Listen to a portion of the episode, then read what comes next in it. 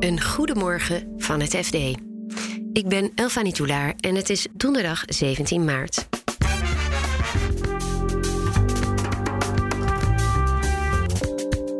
Vandaag, precies drie weken geleden, viel Rusland Oekraïne binnen. En ik denk dat we ook niet de denkfout moeten maken dat het conflict over een paar weken voorbij is. Ondanks de onderhandelingen. Voor hetzelfde geld duurt het nog maanden of misschien wel een jaar. De oorlog wordt deels gefinancierd via crowdfunding.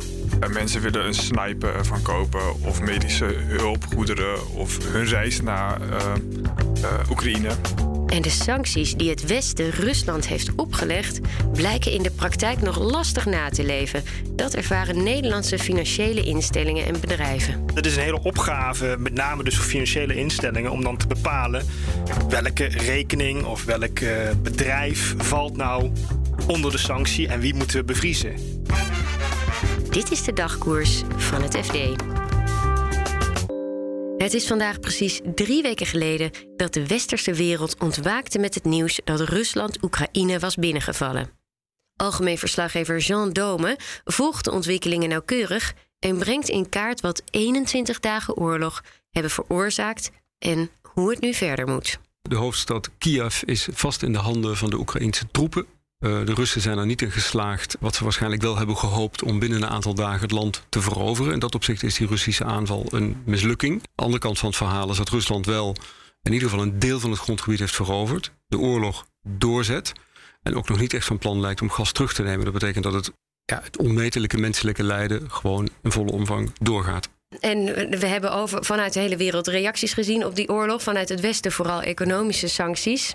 Is dat genoeg? Um, die economische sancties zijn volgens mij wel een enorm belangrijk punt. Uh, ik, ik zeg het vaak, ik herhaal het nog een keer. De economie van Rusland is ongeveer even groot als die van de drie Benelux-landen. En inmiddels een stukje kleiner, denk ik, omdat die sancties wel degelijk effect hebben. Rusland militair bestrijden, wat Oekraïne nu doet en waar ze wapens voor krijgen, dat is natuurlijk dat tweede belangrijke front. Maar ik denk inderdaad dat het belangrijkste wat het Westen kan doen, is Rusland afknijpen economisch om die druk te verhogen. Daar kunnen we denk ik nog wel meer doen. De belangrijkste inkomstenbron van uh, het regime in Moskou zit toch in die uh, gas- en olie-export. Dan zie je ook daar meteen het effect van uh, ons eigen beleid van de afgelopen jaren. We zijn er erg afhankelijk van en je ziet dat de Europese Unie echt aarzelt. Hè? Idealiter, als je daartoe in staat bent, zet je daar het mes in, knijp je dat af en raak je de Russen direct in hun inkomsten. Dus dat zouden we moeten doen?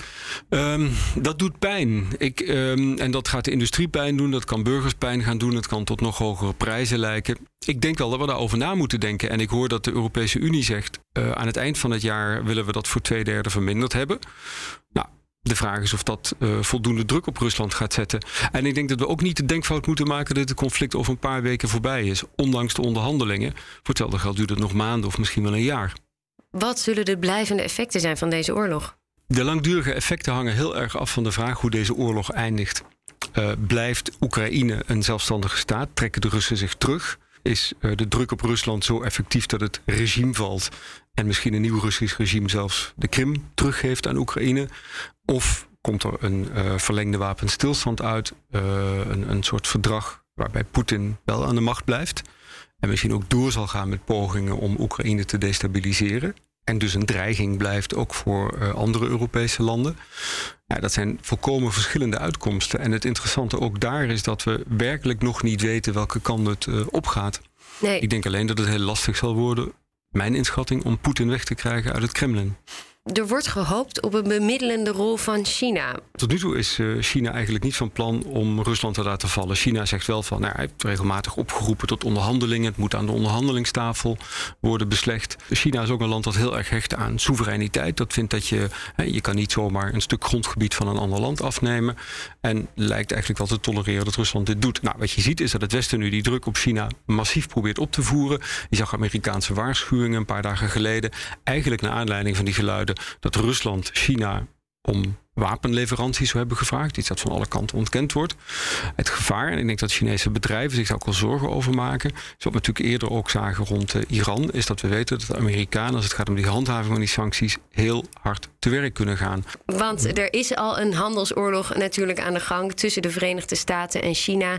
En China is dus bang dat de Verenigde Staten nog verder, nog meer sancties ook richting China zal uh, invoeren. We zouden dat bijna vergeten. Die handelsoorlog die destijds door Trump is gestart tegen China, die is niet voorbij. Ik denk dat de Amerikanen het niet zullen nalaten om China verder de duimschroeven aan te draaien. Als China inderdaad de effectiviteit van die sancties zal ondergraven. En daar, daar zit dus ook een, een, een, ja, een risico in van economische escalatie natuurlijk nog voor dit conflict. Want slaat China dan weer terug? Nou ja, dus en ook dat is een van de interessante open eindjes in dit conflict. Die wel heel belangrijk zal zijn. En waar iedereen op hoopt, is dat er in uh, China op een gegeven moment een knop omgaat. Nou, ik vroeg aan Henk Schulte-Nordholt, sinoloog. Ik zei, wat denk jij dat het schakelmoment in zo'n crisis zou kunnen zijn voor Peking? En hij zegt, ik vrees, ik vrees dat dat er pas komt op het moment dat Rusland bij wijze van spreken een tactisch kernwapen zou inzetten. Dat dat voor China wel echt een brug te ver is. En dat was een antwoord waar ik persoonlijk uh, niet heel vrolijk van werd. Het verzet van Oekraïne op de inval van Duitsland wordt breed gesteund, ook financieel. Via crowdfunding worden geweren, drones en ander materieel gefinancierd. David Kabel dook in deze donatiegroepen. Mensen willen een sniper van kopen of medische hulpgoederen of hun reis naar uh, uh, Oekraïne. Uh, een voorbeeld is bijvoorbeeld een, een sniper die een inzamelingsactie is begonnen via zo'n website om zijn eigen geweer en munitie te bekostigen. En die heeft daarmee al anderhalve ton aan dollar binnengehaald. Mag dat eigenlijk wel zomaar? Ja, wat precies de regels zijn, uh, is onbekend, is ook onduidelijk. Uh, ook is het onduidelijk of er berichten van de website worden geweerd.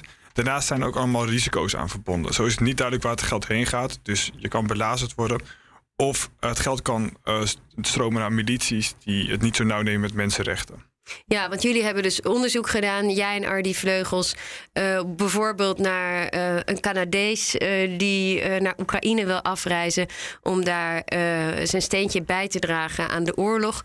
Dus stel ik maak geld over, hoe weet ik dan zeker dat het niet een Canadees is die eigenlijk gewoon zin heeft in een lekkere vakantie op de Bahama's? Ja, Travis, dus de Canadees waar het over gaat, die zou uh, via Facebook en, en andere social media website bij, zijn reis bijhouden. Zodat iedereen kan zien waar het geld heen gaat en dat het goed besteed wordt. Mm -hmm. Maar ja, via andere initiatieven is het allemaal heel erg vaag. Waar het geld er precies terecht komt. Is dit een nieuw fenomeen? Nou, je zag al in eerdere oorlogen dat mensen via crowdfunding hun reis en verblijf willen betalen. Dat zag je ook in IS. Uh, strijders in Syrië. Maar dat op zo'n grote schaal gebeurt, er is echt 100 miljoen al ingezameld, dat is nog niet eerder uh, zichtbaar. Stel, uh, ik als luisteraar zou nu ook mijn steentje bij willen dragen aan die oorlog door geld te storten. Staat er dan ergens het rekeningnummer van Oekraïne vermeld? Of hoe werkt dat dan? Ja, je kan op verschillende manieren geld doneren, onder andere ook in cryptocurrencies. En dat wordt heel erg aangemoedigd, de Oekraïnse regering. Ook omdat Oekraïne een sterk ontwikkelde technische sector heeft. En het gebruik van cryptocurrencies in Oekraïne een stuk gangbaarder is dan in andere landen. Gaan dit soort initiatieven nou het verschil maken in deze oorlog? Ja, waarschijnlijk niet. Uh, de inkomsten zijn nog steeds relatief klein. Zeker als je vergelijkt met de geldstromen die naar Oekraïne gaan vanuit overheden. Maar het gaat ook heel erg om uh, de beeldvorming. Als je kan laten zien als land dat heel veel mensen bereid zijn om geld te betalen, wat je nu dus ziet in Oekraïne, is dat een teken van internationale steun voor de Oekraïnse zaak. En dat vervolgens wordt het ook weer breed uitgemeten in de Oekraïnse media. En dat is dus ook een effectief uh, gevolg van die crowdfunding. Ja, dus niet alleen het geld zelf, maar ook uh, het gebaar wat inwoners van andere landen daarmee maken. Absoluut. Voor financiële instellingen en bedrijven is het lastig om de sancties tegen Rusland uit te voeren. Onderzoeksjournalist Sonny Motke legt uit waar het precies misgaat. Het grootste probleem is dat een regel, sanctie, op meerdere manieren te interpreteren is. Dus ik heb een, een papiertje voor me met een verordening. Dan moet je je voorstellen, de, de, de wettekst is niet zo heel lang. Maar eh, achter elke punt, komma, elk woord zit een ontsnappingsruimte, een geitenpaadje. Die je mogelijk kunt bewandelen om ja, misschien toch onder een sanctie uit te komen. Of dat je er net wel onder valt. En dat is een hele opgave, met name dus voor financiële instellingen, om dan te bepalen welke rekening of welk uh, bedrijf valt nou onder de sanctie en wie moeten we bevriezen. De namen van personen die op de lijst staan, dat is niet zo moeilijk. Kijk, een naam is een naam. Maar de bedrijven dat is een ander verhaal. De, standaardregel is: een bedrijf valt eronder als uh, meerderheid uh, van het bedrijf in handen is van de gesanctioneerde Rus.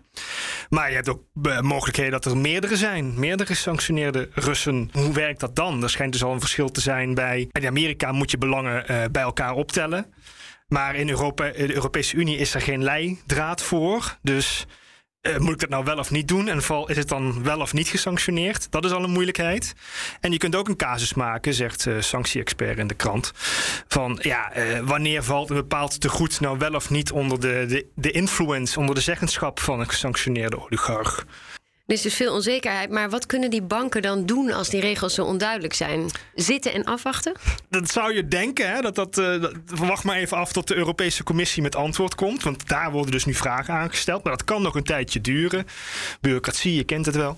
Duurt wel even. Uh, het advies die uh, sanctie-expert geeft is bij twijfel wel op de knop drukken en gewoon bevriezen. Loop je natuurlijk het risico dat je iemand bevriest die misschien uiteindelijk toch uh, wel goed is. Maar uh, de instelling heeft dan, uh, loopt dan niet het risico om alsnog aangepakt te worden. Als je ter goede trouw, naar de letter van de tekst, hebt gehandeld. Mm-hmm. Andersom wacht je af en blijkt achteraf dat het bedrijf wel gesanctioneerd had moeten worden. Dan heb je natuurlijk een ontsnappingsruimte geboden voor iemand om alsnog eronder uit te komen. En dan zou je in theorie op termijn alsnog strafbaar kunnen zijn als instelling. In de praktijk blijkt dat uh, er vanuit Nederland nog maar heel weinig te goede zijn bevoren. 6 miljoen euro. Dat is best wel weinig. Op dit moment zijn uh, ook, ook de NVB, ook de DNB. Er wordt druk over uh, vergaderd volgens mij van hoe het nou precies zit. Want ter vergelijking, in België ja. is al uh, 10 miljard euro bevroren. Ja. Ja, in België is 10 miljard bevroren. In Nederland, voor zover bekend, 6 miljoen. Maar de grote vraag is: is dat actueel? Heeft dat te maken met uh, verwerkingstijd? Um, wat valt er dan wel en niet onder? Dus uh, het, is, niet zo dat uh, het verhaal wat nu in de krant staat het antwoord daarop geeft. Het is wel een sterke aanwijzing dat het feit dat het bedrag zo laag is, mogelijk mede door de verwarring komt.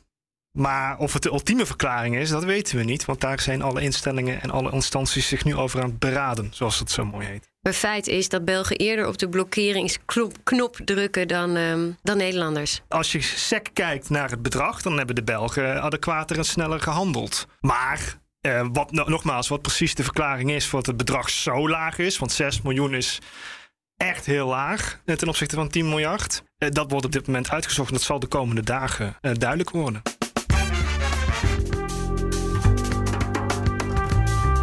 Dit was de dagkoers van het FD. Op fd.nl kun je de artikelen over de oorlog in Oekraïne, de sancties en de zoektocht naar financiering van de oorlog via crowdfunding vinden.